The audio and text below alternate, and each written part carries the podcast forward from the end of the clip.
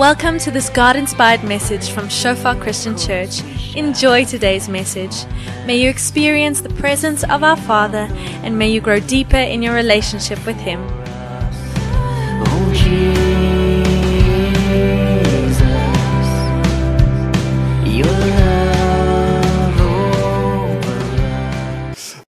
Welkom aan almal hier vanoggend. Dit is regtig vir my voorreg om vanoggend hier te kan wees en opgewonde om die woord van God met julle te kan deel en vertrou regtig Here vanoggend vir bemoediging en dat persepsies sal skuif en die manier hoe ons baie keer die Here dien sal verander en sal lei na 'n meer Bybelse voorbeeld van wat dit beteken om God te dien en ook hoekom ons hom dien. Vir die van julle wat my nie ken nie, my naam is Wian, ek is die pastoor hierso. En dis uh, lekker om hier vanoggend saam met julle te kan wees, maar voordat ek te veel sê, gaan ek vir ons open in gebed en dan spring ons op vanoggend se preek in. Ja Vader, dankie Here dat ons vanoggend hier kan wees. Dankie vir u goedheid, Here. Ons kom bid ook Vader net in 'n 'n lig Here van 'n 'n land, Here, 'n kultuur, Vader, 'n mense, Vader wat so gewoond is Here om te kla oor alles, Vader, en die slegte en alles te sien, Vader. Kom sê ons vir u vanoggend dankie, Here. Dankie vir u goedheid, Here. Dankie dat ons hier kan wees, Here, met klere aan ons lywe, Vader. Sommige gemeenskap van gelowiges, Here, wat u dien, Vader, in die publiek vry, Here. En ja, Here, en dit ook kom on en bely ons Vader dat ons so gereeld Vader saam kla Vader en in plek van om die lig te wees, Here, U roep U kerk Vader om die lig van die wêreld te wees. En in donker tye Here en in negativiteit Vader word ons so vinnig so vinnig afgesleep Vader, ons word ook so vinnig negatief en ons kla ook Here en baie keer begin ons dit self. En van dit kom bely ons vanoggend Here. In die lig van wie U is, Here, in lig van wat U vir ons gedoen het, Here, moet ons gevul wees met blydskap, vrede en vreugde. Dankie Jesus dat U sê, Here, U gee vir ons vreugde, Here. Dat ons blydskap volkome kan wees. Ons gaan moeilike tye in hierdie wêreld hê, maar ons moet moed skep want U die wêreld oorwin. En dankie vir dit, Here. Mag dit nie net kopkennis wees nie, Here, maar iets wat ons regtig glo en uitleef. En soos ons hierdie week hier in die wêreld ingaan, Vader, mag ons gaan met 'n positiewe gesindheid, Here. Om lig te gaan skyn, Here. En nie om probleme, Vader, en goed wat nie reg is te ignoreer nie, Here, maar om konstant mense te wys na die evangelie. En die een wat kan red, die een wat hoop gee, die een wat lewe bring. Dankie Here vir u goedheid. Dankie Jesus vir u werk op die kruis. Dankie Heilige Gees vir u teenwoordigheid in Jesus naam. Amen. So ons titel vir vanoggend is werk in geloof en die hart. Werke in geloof en die hart. Renier het laasweek vir ons gepreek oor geloof en gehoorsaamheid. Geloofsaamheid. Dis net Renier wat nuwe woorde kan maak en kan uitdink soos wat hy besig is met sekere goedjies of wat die wat in die Engels die aandiens daar was, dit was feeds. Faith and deeds. En Renier wat so mooi vir ons geverduidelik het dat hierdie twee nie geskei kan word van mekaar nie. Geloof en gehoorsaamheid. Dis onmoontlik om daai twee goed te skei van mekaar. As ek regtig geloof het in iemand of in iets, dan volg ek wat hulle vir my sê. As ek regtig glo dat Jesus Christus die skepper van die heelal is, almagtig, soewereine, heilige God. Hy's die slimste, die beste en die liefdevolste mens wat daar is. En hy gee vir my 'n opdrag, dan gehoorsaam ek daai opdrag. Hoekom? Want dit maak sin in lig van wat ek glo oor wie Jesus is. Amen. Dis is die die sê ding, a apple a day keeps the doctor away. As jy dit regtig glo, sal jy 'n appel 'n dag eet. En dis wat jy werklik glo. Party van die mense hierso vanoggend het met Ford heen toe gery. Hoekom? Hulle glo eintlik daai karre is die beste. En jy kan nou maar maak wat jy wil met die Ford gaan hulle heen toe ry. Nee, Graham. Hy sê ons sal ons probeer van verduidelik, maar hy glo dit vas. En soos die manne redeneer oor die bakkies en die dinge, maar wat jy werklik glo, jy sal werklik so lewe. Ons jy kan dit nie van mekaar afskei nie. En Renier het ook die stelling gemaak dat as ons sê ons 'n ontmoeting met Jesus gehad het en ons ken Jesus regtig, dan moes daar 'n verandering in ons lewens iewers plaasgevind het. En nie net 'n initiële verandering nie, maar 'n verandering soos wat ons groei in ons openbaring van wie Jesus is. Ons kan nie dieselfde bly nie. Ek hou van wat Paul Washer sê. Hy sê om 'n ontmoeting met Jesus te hê en dieselfde te lyk na die tyd sal wees om te sê 'n trok het jou getref en jy lyk dieselfde. Dis onmoontlik. Hoe kan iemand so groot, so heilig, so almagtig, so heerlik? Jy sê jy die skepper van die heelal ontmoet, maar jy lyk nog dieselfde. Jy wil nog dieselfde goed doen, jy het nog dieselfde begeertes, is onmoontlik. Dit kan nie gebeur nie. En Skrif sê vir ons dat ons is nie gered deur ons dade nie, maar ons is gered vir goeie dade. Daar's onvermydelik hierdie goeie goed wat uit ons lewe begin uitvloei. En vanoggend is dit belangrik vir ons om ook die hart agter dit te verstaan. Want is maklik om 'n preek soos dit te hoor of 'n stelling soos dit te hoor en ewe skielik besef ons hy ek maak dit nie. My lewe bely nie. Dit lyk nie vir my of daar verandering plaasvind nie. Dit lyk nie vir my asof daar goeie werke plaasvind nie. So die antwoord moet seker wees ek moet nou hard probeer om iets te doen sodat my werke kan wys dat ek regtig in Jesus glo. En ons spring verby 'n paar belangrike vrae. Ek sien baie keer as ons gekonfronteer is met dit wat nie reg is in ons lewe nie, dan wil ons dit eweskielik net regmaak. Daar's 'n stelling wat sê vir die duisende wat aan die vrug van sonde werk, is daar maar een wat na die wortel kyk. There's a thousand hacking at the fruit of sin but one striking at the root. Ons sien die vrot appel aan die boom en dan haal ons die vrot appel af en ons gooi hom weg en dan oor 2 weke is ons verbaas maar daar's wragtig weer 'n vrot appel. En dan haal ons hom weer af en ons gooi hom weer weg en wragtig groei die ding weer. Maar ons kom nie by die wortel uit nie. En ons vra nie vir onsself die vraag as ek sien iets is verkeerd in my lewe moet ek myself die vraag vra hoekom? Hoekom is dit so? As ek sien daar's goeie goed wat ek veronderstel is om te doen maar ek doen dit nie moet ek myself die vraag vra hoekom wil ek dit nie doen nie? Hoekom wil ek konstant die verkeerde goed doen maar ons moet by die wortel uitkom. Ons moet die hart agter dit verstaan want ons kan nie net wegspring en in jy weet goeie selfmoed skep en hard probeer uit selfvolharding om die regte ding te doen nie. Ons het dit al geprobeer, elke liewe een van ons. Hierdie is die jaar, hierdie is die maand, hierdie is die week. Gaan die keer daai ding doen en dan begin ons goed en dan val ons weer plat. Wragtig is die appel weer vrot. Ons kom by die hart van dit uit. He. Dis een van die interessante ding van Christendom is Jesus sê dit gaan nie net oor wat ons doen nie, maar hoekom ons doen wat ons doen. Dit gaan nie net oor wat ons doen nie, maar hoekom ons doen wat ons doen. En Jesus sê ons almal is hier vanoggend om by die kerk te wees. Ons is besig om skrifte gehoorsaam. Moenie die samekoms van die gelowiges misloop nie. Hier sit ons, ons is besig om God te gehoorsaam. En Renier het gesê as ons gehoorsaam is, dan wys dit dat ons regtig geloof het. Maar Jesus sê ook is dit belangrik om te kyk hoekom ons doen wat ons doen. Want 'n groep van ons kan ver oggend hierso sit sodat ons vir God kan wys, "Jesus Here, ek het die boksie getik. Ek het nou daai ding gedoen."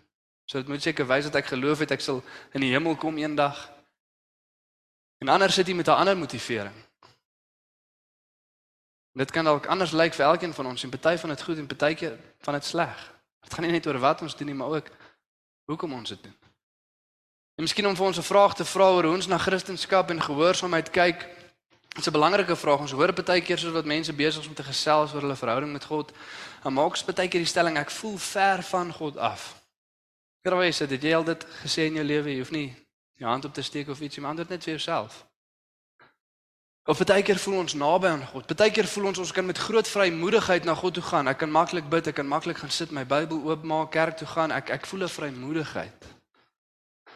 En ander kere is asof so swaar las al vir skaam gevoel. Iets is nie lekker nie, maar dit is vir my moeilik om te begin bid. Dit is vir my moeilik om my Bybel oop te maak. Dit is vir my moeilik om kerk toe te gaan. Ek voel ver van die Here af. En miskien om te reflekteer daar waar jy sit, wanneer in jou lewe het jy dalk so gevoel? Was daar kere wat jy ver van God af gevoel het? Was daar kere wat jy naby aan God gevoel het? Vanoggend waar jy sit, Voel jy naby aan die Here, voel jy ver van die Here af? En nou die belangrike tweede gedeelte van die vraag, hoekom? Hoekom sou jy sê jy het ver van God af gevoel? Hoekom sou jy sê jy voel baie keer naby aan God? Wat is dit wat daai verandering laat plaasvind? Belangrike vraag vir ons om te vra. Hoekom voel ek baie keer so? Baie keer voel ons God kan ons verseker goed gebruik. Dit is ook al gereeld gehoor. Jesus, ek kan dit of baie keer dan sê ons nee, die Here kan my nie in daai area gebruik nie of ek voel nog nie God kan my gebruik nie. En dan as jy self weer vra die vraag vir my, hoekom? Hoekom voel jy God kan jou nie gebruik nie of hoekom voel jy jy kan nog nie daai ding doen nie? Is die antwoord nee, ek moet nog eers daai ding verander. Ek moet eers ophou met daai ding of ek moet eers begin met daai ding. En wat ons probeer sê is dat ons dade, die werk wat ons uit ons eie krag uit doen, dit bepaal so half hoe ons voel in ons verhouding met God. As ek dink ek het hierdie week nogal goed gedoen, min slegte goed gedoen, baie goeie goed, eers dan voel ek great. Die Here moet seker baie tevrede wees met my. Dan het ek 'n vrymoedigheid om na God toe te gaan want ek kan vir hom wys, "Check, Here. Ek was nogal impressive hierdie week." Ek voel ek het goed gedoen. En dan baie keer dan maak ons dit nie. En ons risie. Jy's ongeduldig met die kinders, jy stry met jou vrou, jy kom nie by die woord uit nie en ons ewe skielik goed wat uitkom en goed wat jy doen. Of daai een ding wat net altyd bly gebeur. Daai sonde. Ek het gesê ek gaan nie en wragtig weer. En ewe skielik is daai vrymoedigheid weg. Ek kan nie na God toe gaan nie. Ek sukkel om te bid, ek sukkel om my Bybel oop te maak, ek sukkel om kerk toe te kom want ek kan nie vir God wys. Ek maak dit nie. Ek kan nie vir hom wys ek het my deel gedoen, Here, so u kan nou tevrede wees met my. Ek kan my hande na u toe oplig. Voel of ek iets het om te bring. En is baie keer 'n misverstaan van wat goeie werke eintlik beteken. Sien ek wou so amper al die titel maak dooie werke in lig van goeie werke. Want die skrif sê as ons die regte goed vir die verkeerde rede doen, dan is dit dooie werke. Kon net sowel dit nie gedoen het nie. Beste werke soos vuil klere. As ons nie seker goed verstaan nie. Dit is belangrik om te kyk na die hart. Volgende wil ek vir ons 3 punte maak. Een wat 'n ding is wat ons moet besef. Die ander een wat die doel is van ons goeie werk en die ander een wat die motivering is van ons goeie werke. En ons gaan kyk na 'n stuk skrif in Filippense 3 van vers 1 tot 17. En Here vertrou hom 'n paar goeders te kom losmaak vanoggend. Slaafmentaliteit, dooie godsdiens. Paulus skryf hier volgende. Hy sê verder my broers, wees bly in die Here. Om dieselfde dinge aan julle te skrywe is vir my nie moeite nie en vir julle gee dit sekerheid. Paulus sê ek het al hierdie goed vir julle gesê, maar ek wil dit weer sê. En soos wat ons weet in die vroeë tye was daar nie uitroeptekens en en dit hierdie leestekens nie. So as hulle wil klem lê op iets dan herhaal hulle iets. En Paulus sê weer hier is ek 'n ding besig om iets te herhaal vir julle en dit is baie belangrik. Ek wil hê julle moet hierdie verstaan. En hy sê pas op vir daardie dwaalleraars. Pas op vir daardie mense wat kwaadstig, pas op vir daardie betekenlose besnydenis. Ons het die ware besnydenis, ons wat God deur sy gees dien. Ons wat ons op Christus Jesus beroem en nie op uiterlike dinge vertrou nie. Tog sou ek ook op uiterlike dinge kon vertrou. As iemand meen dat hy op uiterlike dinge kan vertrou, ek nog meer. Ek is op die 8ste dag besny van geboorte 'n Israeliet uit die stam van Benjamin, 'n egte Hebreër. In wetsopvatting was ek 'n Fariseer. In my ywer 'n vervolger van die kerk, in onderhouding van die wet van Moses om vryspraak te verkry, onberispelik. Maar wat eers vir my 'n bate was, beskou ek nou as waardeloos ter wille van Christus. Ja nog meer, ek beskou alles as waardeloos, want om Christus Jesus my Here te ken, oortref alles in waarde. Ter wille van hom het ek alles prysgegee en beskou ek dit as verwerplik sodat ek Christus as enige enigste bate kan verkry. En een met hom kan wees, vrygespreek, nie omdat ek die wet onderhou nie, maar omdat ek in Christus glo. Dit is die vryspraak wat God gee omdat 'n mens in hom glo. Al wat ek wens is om Christus te ken, die krag van sy opstanding te ondervind en deel te hê aan sy lyding, deur aan hom gelyk te word in sy dood. In die verwagting dat ek self deel sal hê aan die opstanding uit die dood.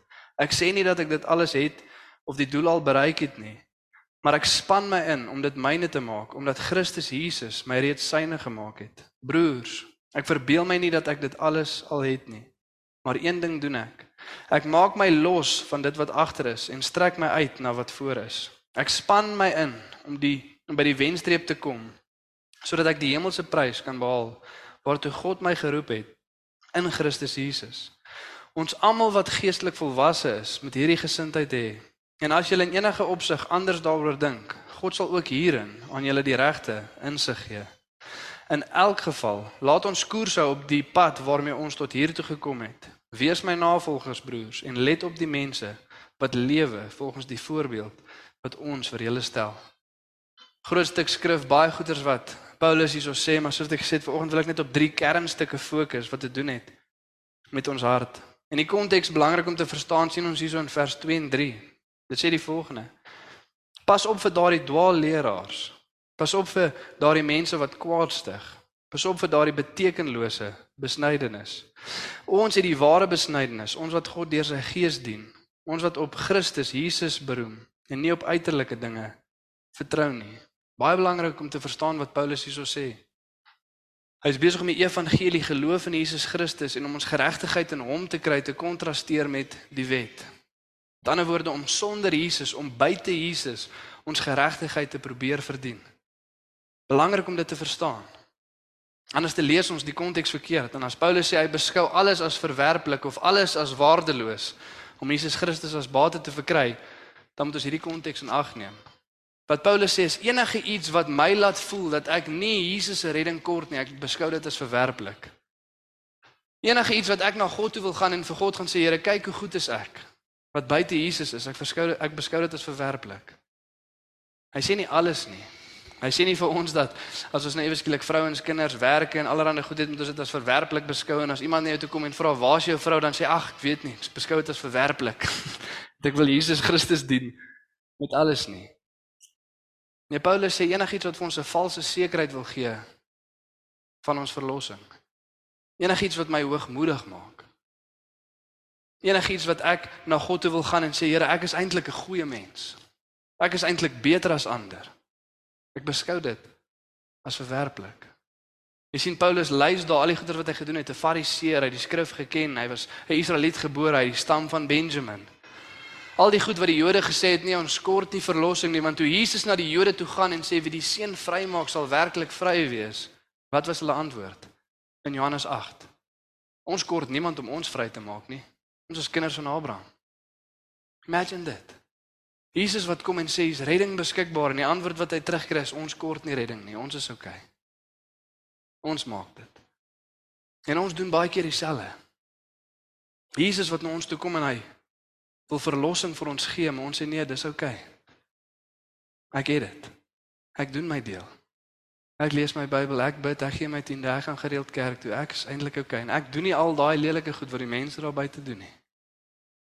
En Paulus sê daai gedagtes, daai mentaliteit beskou hy as verwerplik. En dit kan baie keer dieselfde ding wees. Byvoorbeeld Paulus se kennis van die Ou Testament. Hy was as klein kind opgerig in die Ou Testament kon meeste van die boeke uit sy kop uit opsê. En hy sê die gedeelte daarvan wat vir my laat wil sê dat ek is eintlik geregtig in myself. Ek is eintlik 'n goeie mens. Ek beskou dit as verwerplik.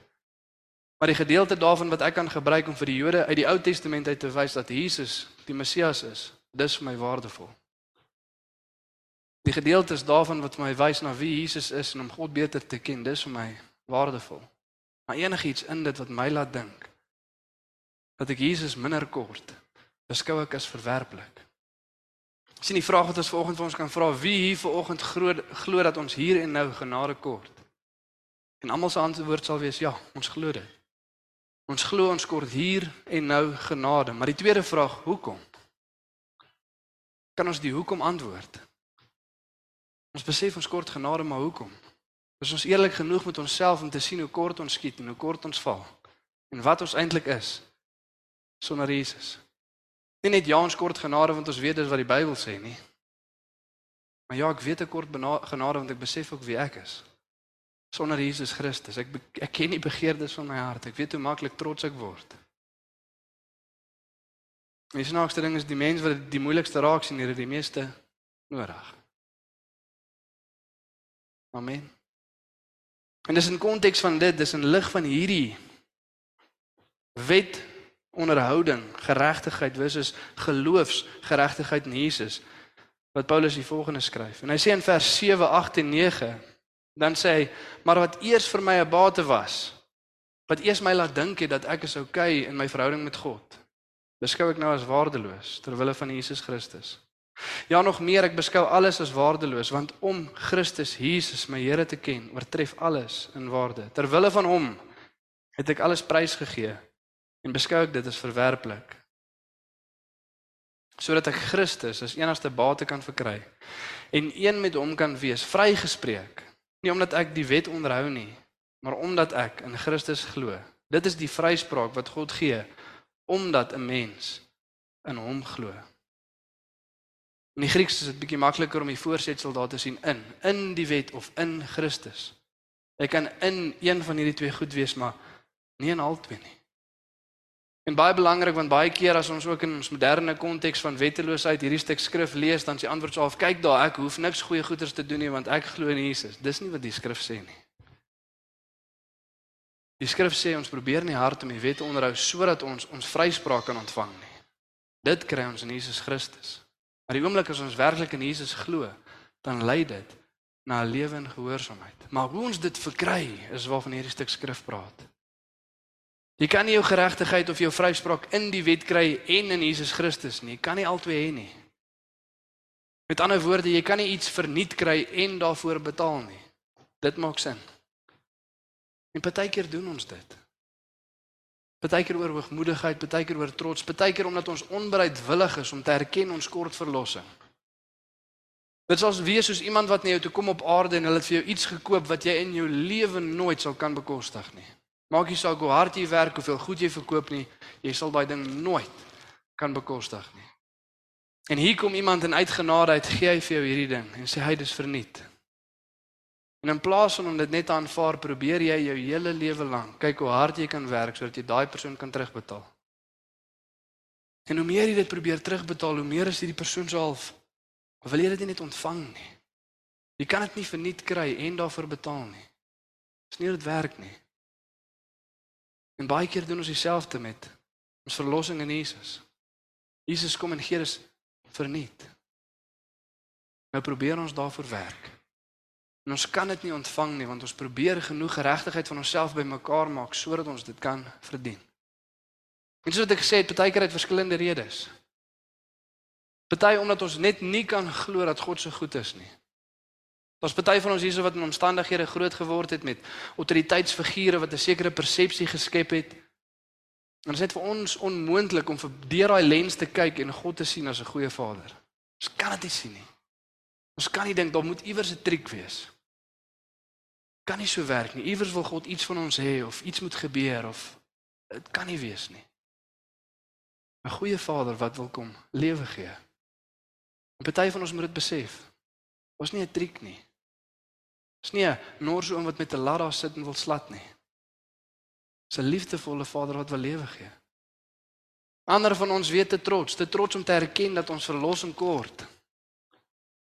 Om gered te word, moet ons erken dat ons kort redding. En Jesus kom in die evangelie word verkondig, Jesus Christus het kom red en ons antwoord is ons kort nie redding nie. Selfs soos die Jode. Wie in die seun glo en wie die waarheid ken sal werklik vry wees. En ons is ons hoef nie vrygemaak te word nie. Ons is nog nooit slawe van enigiets nie. Ons is goeie mense. Om 'n Christen te word, moet jy erken jy was nie eene nie. Dis party van ons baie moeilik. Val in ons tradisionele Afrikaner kultuur. Skrif sê niemand was Christen gebore nie. Iewers moet jy Jesus aanneem, iewers moet jy oorgee, iewers moet jy bely. Om ons sonde te bely moet ons erken dat ons sonde het. En weer eens baie keer voel ons ons kan met vrymoedigheid na Jesus toe gaan want ons moes lank terug oor iets belydenis maak. Ek voel ek kan na Jesus toe gaan want ek hoef lank terug het ek my sonde gebely voor God. Ek het nie onlangs gesondig nie. Skrif sê nie jy's net mislei. Jy besef nie hoe kort jy skiet nie. Martin Luther wat die reformatie begin het, die eerste punt van die 95 teses wat hy in die kerk se deur vasgeslat het, was die begin en die einde van die Christelike lewe is belydenis. All of the Christian life is repentance. Ons sal konstant moet bely want ons besef hoe nodig ons genade het. Genade is om te ontvang dit wat ons nie verdien nie. Om genade te ontvang moet ons erken ons verdien dit nie. Dit is baie keer vir ons moeilik. En ons sien dit deur die evangelie, ons sien in Lukas 19 vers 47 so geval. Dit sê hy was elke dag in die tempel besig om die mense te leer. Intussen het die priesterhoofde en die skrifgeleerdes en ook die leiers van die volk 'n plan gesoek om hom dood te maak. Hulle wil vir Jesus doodmaak. Oor die goeie goed wat hy doen, oor die redding wat hy kom bied vir mense. In Matteus 21 vers 15 lees ons dieselfde, is nie op die bord nie.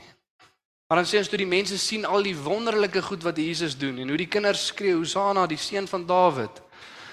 was hulle verontwaardig. Hoe is dit moontlik? Hulle sien die wonderlike goed wat Jesus doen, hulle sien die boodskap wat hy verkondig, maar hulle is verontwaardig en hulle wil hom doodmaak. En dis nie omdat Jesus vir hulle gesê het as jy in my glo sal ek jou red nie, maar is omdat Jesus ook vir hulle gesê het in jouself het jy nie redding nie.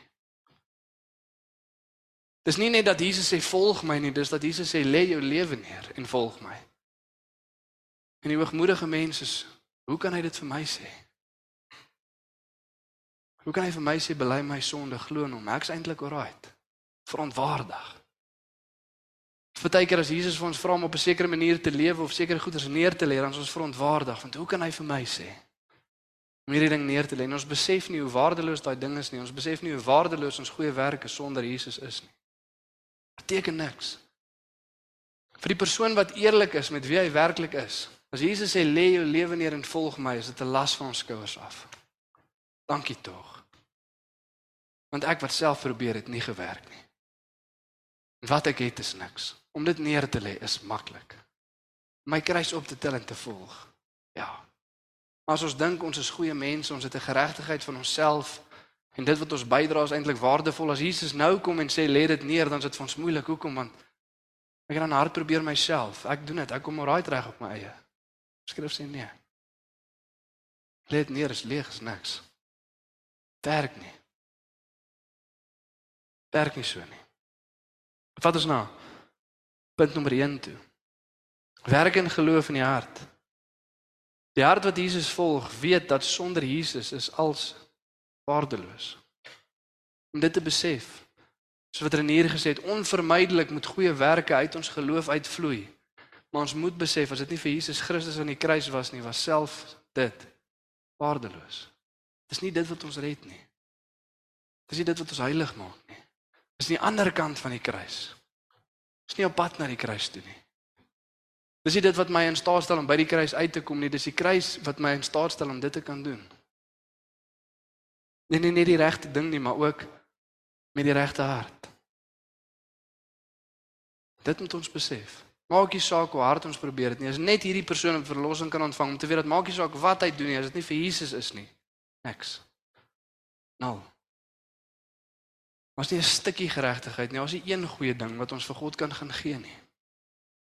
Was 'n mooi liedjie van onbeskaamd. Dit sê bring jou leë vuil hande. Hy was dit silwer skoon. En dit moet ons besef, ons het nie net leë hande nie, ons het nog vuil hande ook. Nie net het ons niks om te gee nie, maar Jesus moet ons hande nog skoon was ook. En net as ons dit besef, kan dit wat ons doen eintlik waardevol en betekenisvol wees. Ek het niks om te gee as Jesus dit nie in my en deur my kom doen nie. So dis die een ding wat ons moet besef. En die ander ding wat ons moet besef is hoekom ons doen wat ons doen. Nee nee nee, dat dit wat ons doen waardeloos is sonder Jesus nie, maar hoekom doen ek wat ek doen? En Paulus skryf dit hierso in vers 10 en 11. Hy sê al wat ek wens is om Christus te ken. Die krag van sy opstanding te ondervind en deel te hê aan sy lyding deur aan hom gelyk te word in sy dood in die verwagting dat ek self deel sal hê aan die opstanding uit die dood. En Paulus skryf drie goeters hierso wat hy sê. Die een is om hom te ken. Al wat ek wens is om Christus te ken. En dit is nie kennis van nie, dis verhouding met. Belangrik om te verstaan. Selfs soos vanoggend as daar gesê word begin bid, begin met die Here praat, is dit gemaklik, is dit verhouding met. Want in ons Christen kultuur en ons Afrikaner kultuur het ons baie goed gehoor van God, maar min van ons ken God werklik. Daar's 'n verskil van iets wat jy gehoor het en iets wat jy beleef het. Maar ken jy God werklik? Is daar 'n intieme verhouding met? In Johannes 17 vers 3 dan lees ons dat dit is die ewige lewe om God te ken en Jesus Christus wie hy gestuur het. Die ewige lewe is om hom te ken. Is om 'n verhouding met hom te, te leef. Die Griekse woord is gnosis intieme kennis, verhouding met. Dis dieselfde woord wat die skrif gebruik as hulle verduidelik waar babatjies vandaan kom. As jy kinders vra. Sê en Adam het sy vrou geken en hulle het 'n seun gebaar. Hy sy vrou geken. Intieme verhouding met mekaar. Hulle sê hy wil God ken, intiem beleef. Nie net stories van God hoor nie. Die vraag volgende is ken ons Jesus? Nee, het ons al van Jesus gehoor nie? Dit baie keer maak ons daai grap as iemand sê, "Ken jy vir Gerard?" Ek sê, "Ja, ek ken hom." Hy sê, "Maar nee, maar soos regtig." Nee, ek het net van hom gehoor. Ek het die artikel gelees. Maar ken ons God werklik? Of het ons net van God gehoor? En dan skryf hy en die krag van sy opstanding te ondervind. Paulus sê ek wil die krag van sy opstanding ondervind en dit is tweevoudig. Hy sê hier en nou wil ek God se krag in my lewe beleef. Wat my verander en dan die wêreld deur my verander. En om God se krag te ondervind beteken nie noodwendig om my gelewe gemaklik te maak nie. Dis nie wat Paulus sê nie. Want hy sê dan ook om deel te hê aan sy lyding deur aan hom gelyk te word in sy dood. Want dis waar ons die krag van God ondervind, is deur lyding as God ons kom So het ons gekyk het na Sadrag, Mesach en Abednego, is net voor die vuur wat ons besef wie ons werklik is en is net deur die vuur wat ons meer word soos Jesus. Dis net as daai lyding kom, is net as daai toetse kom, by die geleentheid daarsoos om ons te vorm en meer te laat lyk soos Jesus. As Paulus sê ek wil God se krag ondervind, ek wil hy moet my kom maak soos Jesus sodat ek vir die wêreld kan wys hoe Jesus lyk. Ons was so 'n paar weke terug by 'n troue gewees en die pastoor het iets so mooi gesê. Toe die paartjie trou en sê wat is veronderstel om hier te gebeur? En hy sê na God se orde van gemeenskappe. Die fondasie van 'n gesonde gemeenskap is gesonde gesinne, gesonde huwelike. Goddelike huwelike, goddelike gesinne is die fondasie van goddelike gemeenskap. Dis hoekom die vyand huwelike wil verwoes, net mekaar uitdruk. Dis hoekom huishoudings lyk soos wat dit lyk. Maar dis die fondasie van gesonde gemeenskap. En die pastoor sê wat vandag hier gebeur is veronderstel om die wêreld 'n beter plek te maak. Dit is so mooi nie. Jy wat met iemand trou is veronderstel om die wêreld 'n beter plek te maak want jy is veronderstel om uit te beeld die verhouding tussen Jesus en sy kerk. Hoe onvoorwaardelike liefde lyk. En dis wat Paulus sê, deur my lewe om God se krag te ondervind sodat ek hierdie wêreld 'n beter plek kan maak. Deel dit aan sy lyding. Ja, maar sy gunsteling Facebook post nie. En die verwagting dat ek selfs deel sal hê aan die opstanding uit die dood. En baie belangrik daar vers 11. Ek wil God nou ken en ek wil eendag by hom wees sodat ek hom verder kan ken. Dis die rede hoekom ek doen wat ek doen. Sien partykeer dan is ons hoofdoel om in die hemel te kom. Met ons vra nie wat moet ons doen om Jesus te ken nie, ons vra wat moet ons doen om in die hemel te kom. En soos een be, beroemde persoon sê, ek kan nie onthou wie dit gesê het nie, hy sê almal wil hemel toe gaan, baie mense wil net nie God daai nie. Almal wil gaan na die plek waar die strate van goud gemaak is en daar geen meer siekte, geen meer dood is nie. Ons wil net nie hê daar moet 'n persoon daar wees wat nog steeds vir ons sê wat om te doen nie. Dis God. En hoe weet ons of ons eendag regtig in die hemel wil wees om by Jesus te wees? Deur die hoeveelheid moeite wat ons nou insit om nou by hom te wees en om nou te ken want ons kan Jesus werklik nou ken. En as ek hom nie nou wil ken nie, dan gaan ek hom ook nie dan wil ken nie. Is jy met my? As ek nou die moeite insit om Jesus te leer ken, by hom te wees en verhouding met hom te loop nie, dan gaan ek ook nie dan wil nie. Paulus skryf die rede hoekom ek doen wat ek doen. Die rede hoekom goeie werke uit my lewe uitvloei is hoekom om Jesus te ken en om soos om te word. Dis nie om in die hemel te kom nie, is nie om 'n boksie te tik sodat ek vir God kan wys kan my aangaan nie.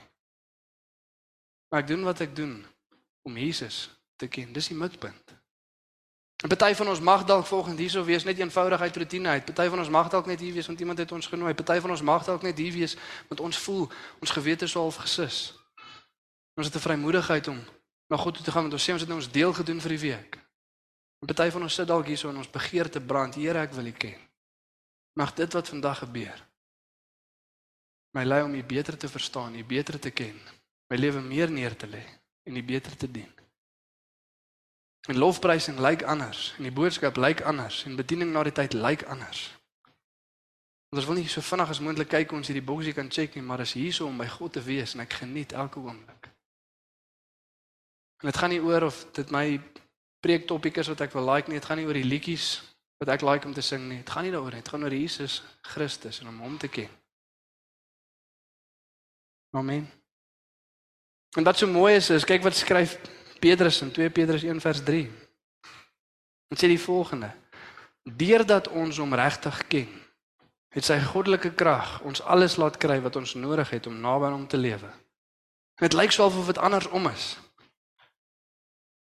Moet dit nie andersom gebeur nie. Want baie keer dan kyk ons na 'n stelling soos 1 Johannes 2 vers 6 en dan sê die volgende: Die wat beweer dat hulle in 'n noue verbintenis met hom leef, moet self ook leef soos hy geleef het. Al lees ons dit dan dink ons okay, maar dan weet ek nie hoe nou my verbintenis is nie. As ons eerlik is met onsself. Want my lewe lyk nie heeltemal so nie. Om te lewe soos Jesus geleef het, beteken dit om te wees soos wat hy was en om te doen wat hy gedoen het. Liefdevol, genadig, barmhartig. Om ook te doen wat hy gedoen het, dis om die evangelie te verkondig, disippels te maak en die kerk te bou. Soos Jesus en ook wat Jesus gedoen het. En ons sien ons eers maar dit gebeur net nie lekker nie, so ons moet harder probeer. En dan sê die skrif nie deurdat ons hom regtig ken, het sy goddelike krag ons alles laat kry wat ons nodig het om naby aan hom te lewe. En baie keer ruil ons dit om. Ons wil sê nee, omdat ek naby aan hom lewe, omdat ek my moeite insit, omdat ek klomp goeie goeders doen, omdat ek naby aan hom lewe, daardeur het God vir my krag gegee om hom werklik te ken. Skrif sê andersom. Omdat ons hom regtig wil ken, gee hy vir die krag om hom regtig te ken. Is dit nie so mooi nie? God sê verwag nie van jou om hard te probeer nie. Hy verwag net vir jou om jou hart na hom toe te bring. Te sê Here, ek wil U regtig ken. En sê as jy dit doen, sal ek vir die krag gee om my regtig te ken. Paulus skryf in vers 3 het hy gesê ons wat hom deur die Gees dien. Ons wat deur die krag van die Gees, deur God se krag, hy wat ons als gegee het om hom regtig te ken. Dis hoe ons God dien. Vat ons na punt nommer 2 toe volgende. Werk in geloof in die hart. Die hart wat Jesus volg, se begeerte is om Jesus te ken en soos Jesus te word. Elke goeie ding wat ek doen wat ek nie besef dis waardeloos sonder Jesus nie en ek doen dit nie om hom te ken of meer soos hom te word nie, is waardeloos. So werklik, dit tel niks. Kon dit net sowel nie gedoen het nie. Maar as ek daai selfde ding doen en ek besef dat sonder Jesus beteken dit niks en die rede hoekom ek dit doen is om hom te ken en soos hom te word, ewe skielik dra dit betekenis. Ewe skielik verander dit dooie werk in 'n goeie werk. Geloof wat lewendig is. Amen gaan oor 'n hartsposisie. Hoe eerlik ons met onsself is volgens sal bepaal waartoe God ons kan skuif. Of ons regtig wil sien, regtig besef. Nou vir die motivering. Die volhoubaarheid. Want baie van ons het al hard probeer. Ons het dit al anders omgedoen, elke liewe een van ons. Gesê hierdie jaar lees ek die Bybel deur. En dis maart, hoe gaan dit? Hierdie jaar is die jaar wat ek elke dag bid. Dis Maart, hoe gaan dit? Hierdie jaar is die jaar wat ek my geloof gaan begin verkondig, ek gaan die evangelie begin deel. Dis Maart. Hoe gaan dit? Hoeveel van daai het ons nou al beleef? Party van ons letterlik elke week. Maandag, Dinsdag lees ek daai Bybelstukke. Woensdag verloor ek vir hom. Sondag word ek weer herinner, okay, nee, ek kort hom. Maandag, Dinsdag gaan ek weer Woensdag sy weer weg. Selfs met gebed. Hoeveel kere het dit nou al gebeur? Sommige ons dit verkeerd omdoen. Maar hieso is die motivering. Paulus skryf vers 13, 14 en 15 en ek wil hê ons moet besef wie skryf en wanneer hy dit skryf. Die persoon wat die grootste impak op die vroeë kerk gehad het, die persoon wat die meeste van die Nuwe Testament geskryf het terwyl hy besig is om die Nuwe Testament te skryf. Sê die volgende: Broers, ek verbeel my nie dat ek dit alles al het nie. Broers, ek verbeel my nie dat ek perfek is nie. Sê die persoon wat besig is om skrif te skryf. Is julle met my? Maar een ding doen ek. Ek maak my los van dit wat agter is en ek strek my uit na wat voor is. Ek span my in om by die wenstreep te kom sodat ek die hemelse prys kan behaal want toe God my geroep het in Christus Jesus. Ons almal wat geestelik volwasse is, moet hierdie gesindheid hê. So Paulus skryf in lig van die genade van Christus is ek nie passief nie. Want ons val so half tussen daai twee goed, passiwiteit en dooie werke. Of ek doen niks of ek probeer hard in my eie krag. Ons kry nie lekker die balans nie. Paulus skryf ek's nie passief nie, ek's ernstig besig om in 'n rigting te werk, maar ek verbeel myself nie dat ek perfek is nie. Hy sê ek is nie okay nie en dit is. Okay. Sien met my. Ek's nie perfek nie, dis okay. en party van ons moet dit hoor vanoggend. Om die ewige lewe te kry is om Christus te ken, nie om perfek te wees nie. Dis om Christus te ken. Terwyl ons nog steeds streef na daai plek toe. Terwyl ons nog steeds streef om hom beter te ken en meer soos hy te wees, besef ons ons is nie perfek nie. En ek hou van die woorde wat Paulus hier gebruik, hy sê ek verbeel my nie. Maar as ons vanoggend dink dat ons perfek is, dan verbeel ons onsself. Maar dis nie waar nie. As ons vanoggend nie besef hoe kort ons val nie, as ons vanoggend dink daar's niks waarvoor ek hoef te bely nie, dan verbeel ons onsself. En hy sê in vers 15 alkeen wat geestelik volwasse is moet so dink. Wat is die gesindheid van iemand wat geestelik volwasse is? Ek maak dit nie. Ek's nog nie daar nie. Ek kort die genade van God, maar ek druk vorentoe om dit myne te maak. Die skrif sê en as een van julle in enige opset anders dink, God sal vir julle die regte insig gee. Moenie worry nie, God sal jou kom reghelp. Weet jy hoe gebeur dit? As hy ding kom wat jou lekker nederig maak. En ewe skielik besef jy, okay. Ek is nie so oulik soos wat ek dink nie. So kom ons glo eerder net die skrif. Amen. Anders te gaan God kom met 'n liefdevolle hand. En ons bietjie trip en as ons daar plat op ons gesig lê, gaan ons weer besef Ons maak dit nie, maar dankie Here dat U dit kom doen as ons dit nie besef nie. Amen. Maar uit hierdie plek uit. Jy sien, en soos ek gesê het, ons draai dit baie keer om. Ons kry dit verkeerd om. Ons probeer hard om perfek te wees. En daar was 'n studie gedoen 'n ruk terug oor sendelinge wat op in Afrika gestuur word en reg oor die wêreld en Indië. En hulle wonder hoekom brand hulle so vinnig uit? Hoekom is dit nie volhoubaar nie? En jy kan dieselfde sê oor die Christelike lewe. Hoekom is ons dissipline nie volhoubaar nie? Hoekom brand ons so vinnig uit? Hoekom is daar min volhoubaarheid in die average Christen se lewe? Wat gebeur? Want hulle spandeer 4, 5 jaar om hierdie sendelinge toe te rus en na 3 maande kom hulle terug uitgebrand. 90% van hulle hou nie langer as 9 maande nie. Uitgebrand, klaar, moeg. Hoe is dit moontlik? En weer eens as ons eerlik is met onsself, identifiseer ons gereeld met dit. Hoe gebeur dit? En hulle gaan kyk toe na die lewe van Jesus en hoekom Jesus so volhoubaar was. Okay, hy was God, so dit help.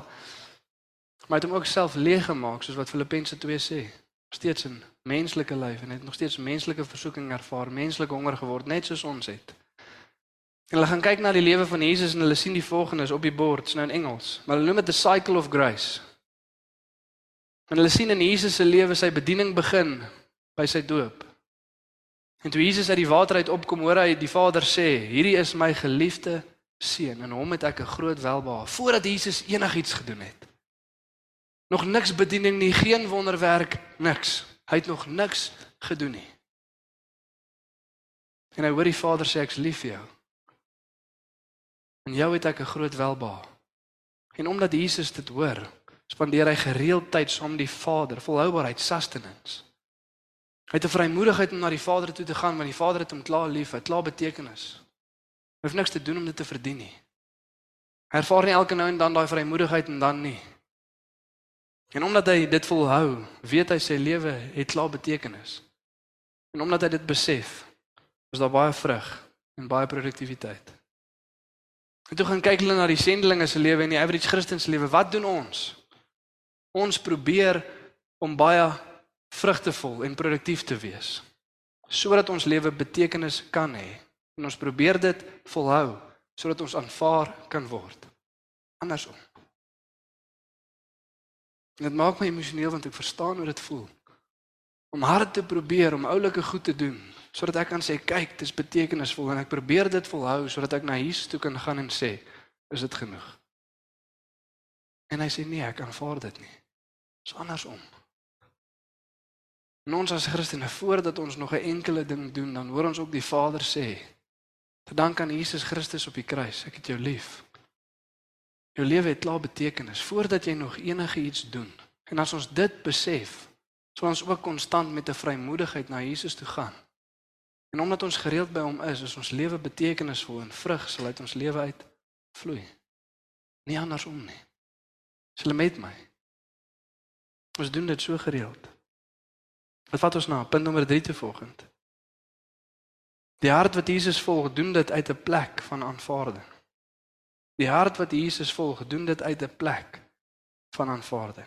Paulus skryf in vers 9: Ek probeer nie langer my saak met God regstel deur die wet te gehoorsaam nie, deur geloof in Jesus. Probeer nie meer langer nie. Maar ek wil vir ons klaarmaak met vers 12. Dis Paulus wat skryf, ek sê nie dat ek dit alles al het of die doel al bereik het nie. Maar ek span my in om dit alles myne te maak. Hoekom? Omdat Christus Jesus my reeds syne gemaak het. Omdat hy my reeds syne gemaak het, nie sodat hy my syne maak nie. Dis baie keer wat ons doen. Ons probeer hard klomp goeie goeders doen sodat Jesus my kan aanvaar. Paulus sê omdat hy reeds het. Dis wat die volhoubaarheid bring. Dis hoekom ek doen wat ek doen. Kom ons staan volgende dan. Bid ons saam.